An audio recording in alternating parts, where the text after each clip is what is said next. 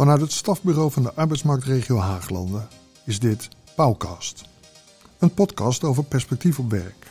Het programma waarin werkgevers, vakbonden en onderwijs samenwerken met gemeente en UWV aan een inclusieve, goed functionerende arbeidsmarkt. In Pauwkast delen we informatie over perspectief op werk, maar praten we ook met mensen uit de praktijk over hun ervaringen, over de successen, maar ook over zaken waar we van kunnen leren. Vandaag met Jurg Bauer. Welkom bij de eerste podcast die over perspectief op werk gaat. En zoals ik zei, gaat dat uh, met uh, Jurg Bauer. Mijn naam is Remco Herfst en ik uh, ga vandaag in gesprek met hem.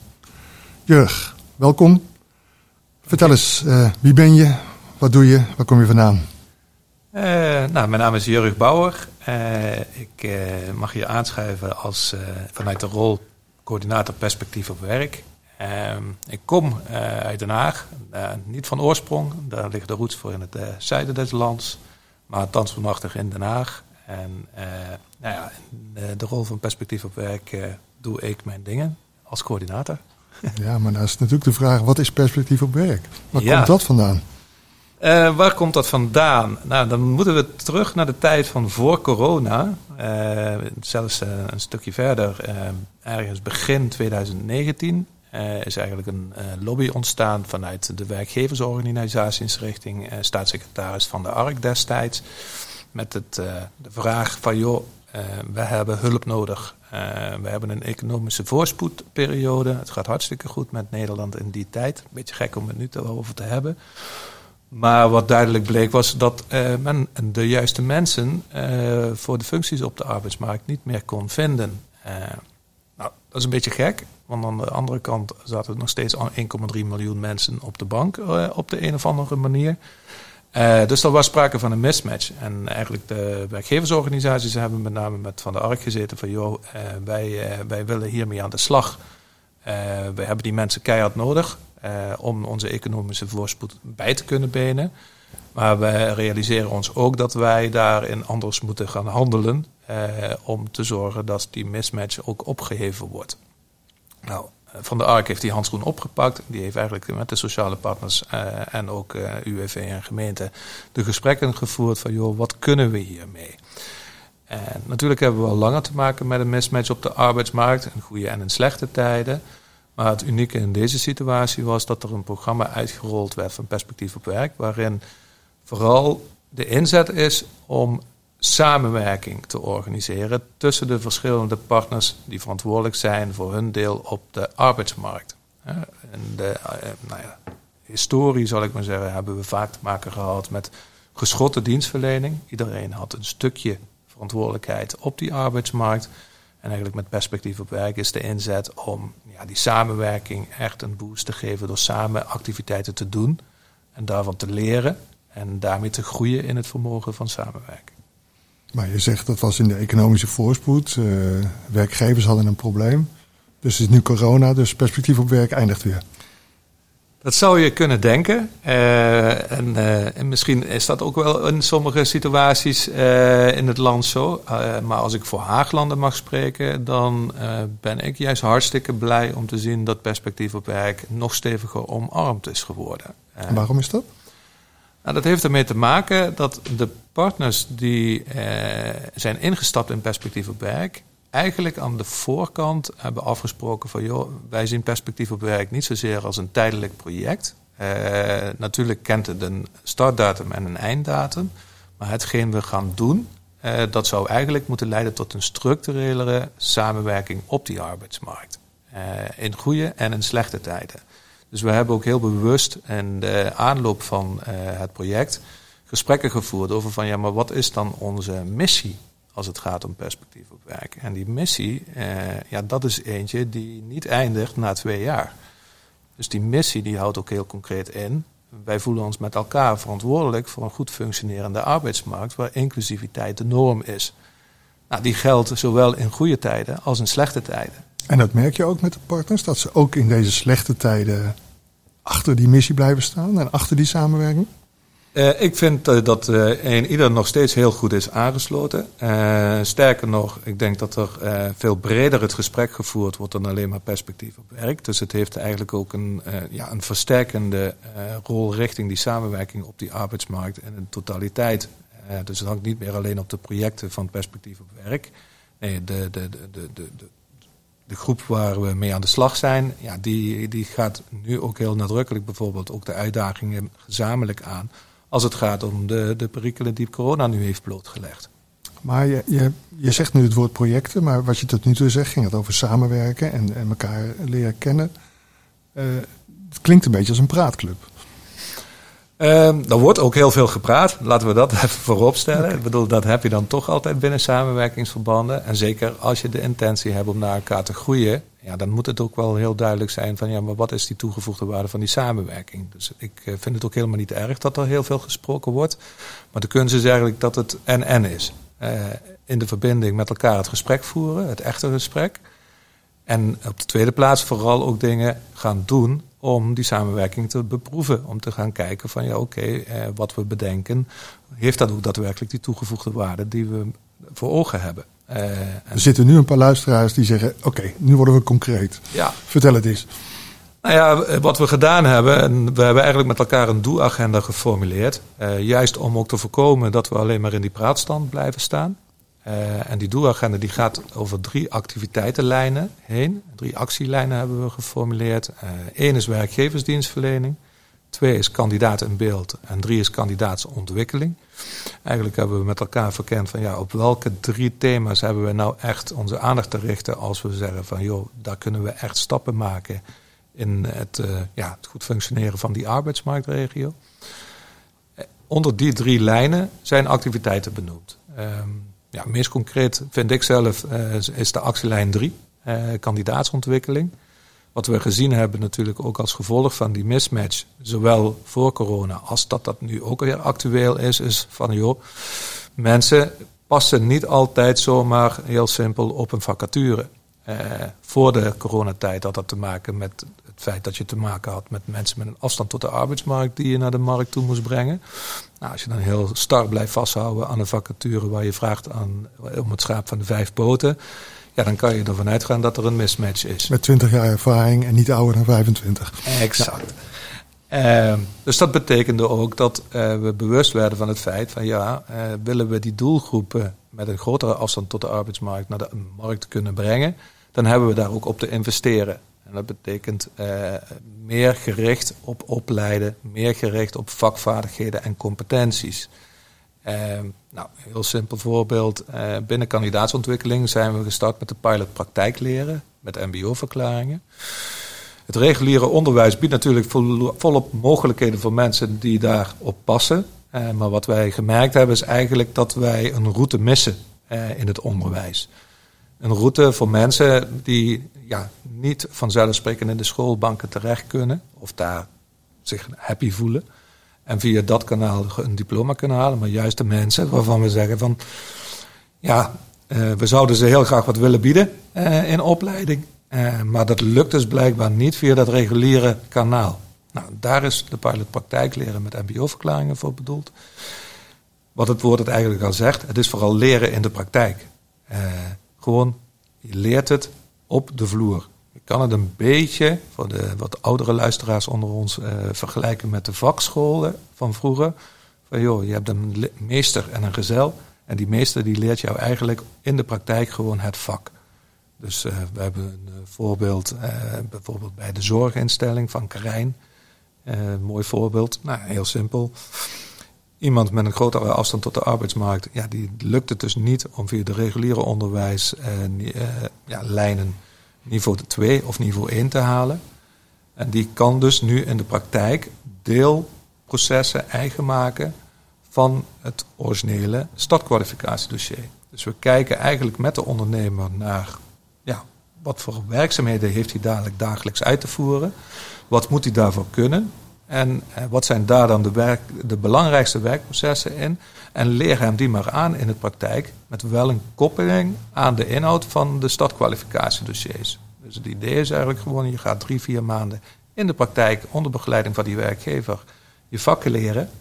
En dat wordt vervolgens gewaardeerd met een MBO-verklaring. Dus een officieel document dat ook echt door het ROC Mondriaan gecertificeerd een stempel krijgt van dit is een officiële verklaring eh, dat jij deze vakvaardigheden conform stadkwalificatiedossier ROC Mondriaan voldoet. Dat klinkt mooi. Dus, hoe het zou moeten gaan, de theorie. Uh, pilot zeg je, coronatijd. Is het een beetje gelukt? Nou, ik uh, kan je vertellen dat het uh, een behoorlijk uh, pittig traject is geweest. Je kan je voorstellen, wij hadden in nou, januari van dit jaar eigenlijk alle, nou, alles klaarstaan om daarmee aan de slag te gaan. we hadden ook de eerste werkgevers die de nek durfden uit te steken om het te gaan proberen. Maar ja, toen de lockdown, de eerste lockdown aan de orde van de dag was, ja, viel natuurlijk een hoop stil. Je kan je voorstellen, we hadden een werkleersetting georganiseerd voor de horeca nou ja, de horeca was natuurlijk een van de sectoren die eh, ja, tot nog toe toch wel eh, de zwaarste lasten heeft te dragen als je kijkt naar het eh, corona gebeuren. Ja, dan, eh, dan valt dat gewoon stil. Ik bedoel, eh, dan moet je en mensen teleurstellen met de mededeling van ja, datgene wat we bedacht hadden in een horeca setting, dat heeft nu niet zo heel veel zin. Dus er zijn geen praktijkverklaringen afgegeven dit jaar? Er zijn er uh, gelukkig wel weer uh, praktijklerenverklaringen uh, afgegeven. we hebben een periode van maart tot en met augustus hebben we het op een wat lager tempo even gelegd. Ook omdat heel veel van de partners gewoon echt even de tering bij de nering moesten zetten. Want ja, je moet je voorstellen dat bijvoorbeeld een gemeente had in één keer te maken met een hoos aan aanvragen voor TOZO. Ja, dat, dat, moet je dan toch doen met dezelfde capaciteit. En de capaciteit die je ook beoogt misschien wel voor praktijkleren. Dus ja, daar moet je keuzes in maken. Uh, dat wil niet zeggen dat een aantal trajecten die we gestart waren in uh, februari, uh, dat die niet zijn doorgelopen. Dus die hebben al een verklaring gehaald, onder andere in de zorg, onder andere binnen het uh, werkleerbedrijf van Werkse. maar na de zomer en vanaf september zijn we toch echt weer vol aan de bak gegaan met onze pilotgroep. En ik, inmiddels zitten er denk ik een kleine twintig mensen die deelnemen aan praktijkleren. En ik denk dat we een kleine zes mensen inmiddels succesvol naar een praktijkverklaring uh, ja, hebben kunnen leiden. En naar een vervolgstap in hun carrière. En dat kan zijn ofwel een baan, dan wel een volgende stap op de ladder uh, richting ja, individuele detachering als het gaat om mensen met een wat grotere afstand tot arbeidsmarkt. Dat, zijn, dat is al hele concrete resultaten. Ja. Je had nog twee actielijnen, zei je. Ja, daar, is daar ook iets bereikt ja, Zeker. In de actielijn 2 gaan we van beneden naar boven. Uh, daar hebben we de ambitie om uh, ja, de werkzoekenden in Haaglanden 100% transparant te maken. Dat betekent heel simpel. We hebben uh, de afgelopen jaren veelvuldig het geluid gehoord van onze sociale partners, en met name de werkgevers, die zeiden van joh, waarom kan ik niet gewoon zelf in, op zoek gaan naar die kandidaten? Want die zijn van mijn gevoel altijd een beetje verstopt. die zitten ergens in begeleiding maar ik kan daar niet zelf een rechtstreeks contact mee opnemen. Nou, Den Haag en Rotterdam hebben daar uh, de handschoen voor opgepakt. En uh, die zijn uh, met partners aan de slag gegaan met de doorontwikkeling van Hallo-werk. En Hallo-werk is eigenlijk nou, oorspronkelijk een beetje begonnen vanuit het idee van we gaan een systeem bouwen. Maar inmiddels kun je al niet meer spreken van een systeem, maar is er veel meer sprake van een way of life. In de zin van een manier van werken, een dienstverleningsmodel. En daaraan gekoppeld zit natuurlijk wel een systeem, maar dat systeem is niet heilig. Dat dienstverleningsmodel dat is uh, meer heilig voor mijn gevoel. Over, overigens gaan wij een, uh, een podcastserie opzetten, heel specifiek over Hallo Werk. Dus daar komt ook een heleboel aan de orde. Maar dat was al voor perspectief op werk. Dus wat is de rol van perspectief op werk in dit uh, geval? Nou, perspectief op werk biedt de mogelijkheid om deze uitrol uh, te versnellen uh, en, en nou ja, te verbreden. want dat is ook wel aan de orde gekomen als gevolg van corona. Nou, dat behoeft misschien wat toelichting. Kijk, Hallo Werk is eigenlijk een systeem waarin de, de ambitie is van joh, iedere werkgever en iedere werkzoekende zou elkaar daar moeten kunnen vinden. En eh, nou, dan zal een deel van de doelgroep in staat zijn om zelf die weg naar elkaar te vinden.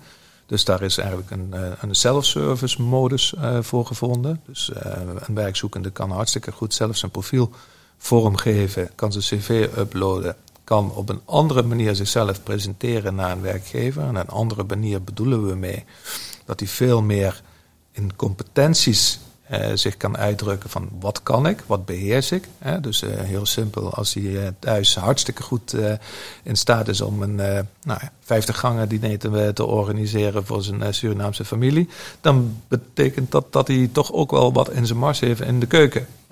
nou, dat komt natuurlijk niet altijd voort uit de harde criteria die we tot nog toe altijd ja, blootleggen. Hè? Dus als iemand, als diezelfde persoon eigenlijk altijd in de bouw heeft gewerkt, dan zou je in de traditionele cv alleen maar zien dat hij heel hard gewerkt heeft in de bouw. En dan komt dat koken misschien bij de hobby's terug, maar dat wordt niet erkend of zichtbaar gemaakt als zijnde een competentie van iemand die uh, misschien wel daar uh, ja, toekomst in kan hebben in werkende zin. Dus het idee is eigenlijk van, nou, liefst willen we die kandidaat, als hij in staat is dat zelf te doen, dat helemaal zelf te laten doen. Die werkgever is ook helemaal vrij om dat zelf te gaan bekijken. Dus die kan ook zelf gewoon die kandidaat benaderen. Maar we weten ook, eh, dat is niet voor iedereen weggelegd. Uh, dus wij vinden ook van ja, daar waar self-service niet de juiste weg is, dan is de consulent en de accountmanager nog steeds uh, aan zet om die man of vrouw daarin te begeleiden. Nou, dat is samen oplopen. En, en natuurlijk nog steeds vanuit het principe zoveel mogelijk zelf. Maar ja, sommige mensen hebben gewoon die ondersteuning daarnaast gewoon nodig. En tot slot heb je natuurlijk ook nog een groep waarvan we eigenlijk inschatten van daar doe je die mensen absoluut geen plezier mee om dat helemaal zelf te doorlopen. Die vinden het misschien zelfs nog lastig als je daarnaast loopt. Dus dan kan je nog altijd nog de stap nemen om het voor hun te doen. Uh, maar die groep die probeer je natuurlijk zo klein mogelijk te maken. perspectief op werk zorgt voor die versnelling. Nou ja, perspectief op werk heeft eigenlijk uh, de middelen vrijgemaakt. Uh, en een projectgroep eigenlijk vormgegeven die in staat is enerzijds nou ja, die regionale uitrol te faciliteren. dus heel simpel gezegd, de licentiekosten en de kosten die gemoeid zijn met de regionale uitrol, die worden gewoon bekostigd vanuit perspectief op werk. Omdat we met alle partners, dus inclusief de sociale partners, van mening zijn dat dit gewoon heel belangrijk is. Dus het is niet meer alleen Den? Het is zeker niet alleen Den Haag. Het is de volledige regio gemeenten die hier nu op aangesloten zijn en die hier nu hun stappen in maken. En dat heeft perspectief op werk versneld? Daar heeft eh, perspectief op werk in die zin financiële middelen voor vrijgemaakt om dat te kunnen versnellen. En eh, tegelijkertijd hebben we ook nog een activiteitengroep gehad die zich heeft uh, gebogen over de kwaliteit van de profielen. Dus het is enerzijds qua middelenstroom dat er een beweging op gang gekomen is. Anderzijds eh, nou ja, ga je ook samen kijken van ja, hoe kun je die kwaliteit daar goed in houden. En dat hebben we ook weten te organiseren vanuit perspectief op werk. Dat klinkt prima, echt positief, dat is mooi. Je had nog een actielijn over. Ja, dat is de werkgeversdienstverlening. Um, daarin hebben we onder andere uh, de werkambassadeur en het uh, project Netwerken in uh, ondergebracht. Nou, ik denk dat dat wel de meest lastige lijn is geweest als gevolg van corona. Want je moet je voorstellen, eigenlijk voor corona hadden we bedacht van nou, een, een, werkambassadeur aan de kant van de werkgevers, die zou ons eigenlijk heel goed kunnen helpen in het organiseren van de ingang bij plekken waar wij lastiger als gemeenten en UWV eh, voet aan de grond krijgen. Dus het was eigenlijk een soort nou, breekijzer om op een andere manier het gesprek te kunnen voeren. Minder vanuit ja, het brengen of het halen, uh, maar meer vanuit joh, wat leeft er, wat speelt er, wat gaat goed, wat, wat weet je van inclusiviteit en wat kunnen we daarop organiseren. En sta je daarvoor open. Nou, zo'n werkambassadeur die, ja, die moet het natuurlijk hebben van zijn netwerk en van zijn contacten. Nou, je kan je voorstellen dat op het moment dat dat alleen maar vanuit digitaal moet. Uh, en ook nog eens uh, ja, heel veel werkgevers op dit moment gewoon in een overlevingsbonus terecht zijn gekomen. Ja, daar ligt natuurlijk wel een behoorlijke uitdaging om dat goed neer te zetten. Maar niettemin, we hebben Milo Bakker.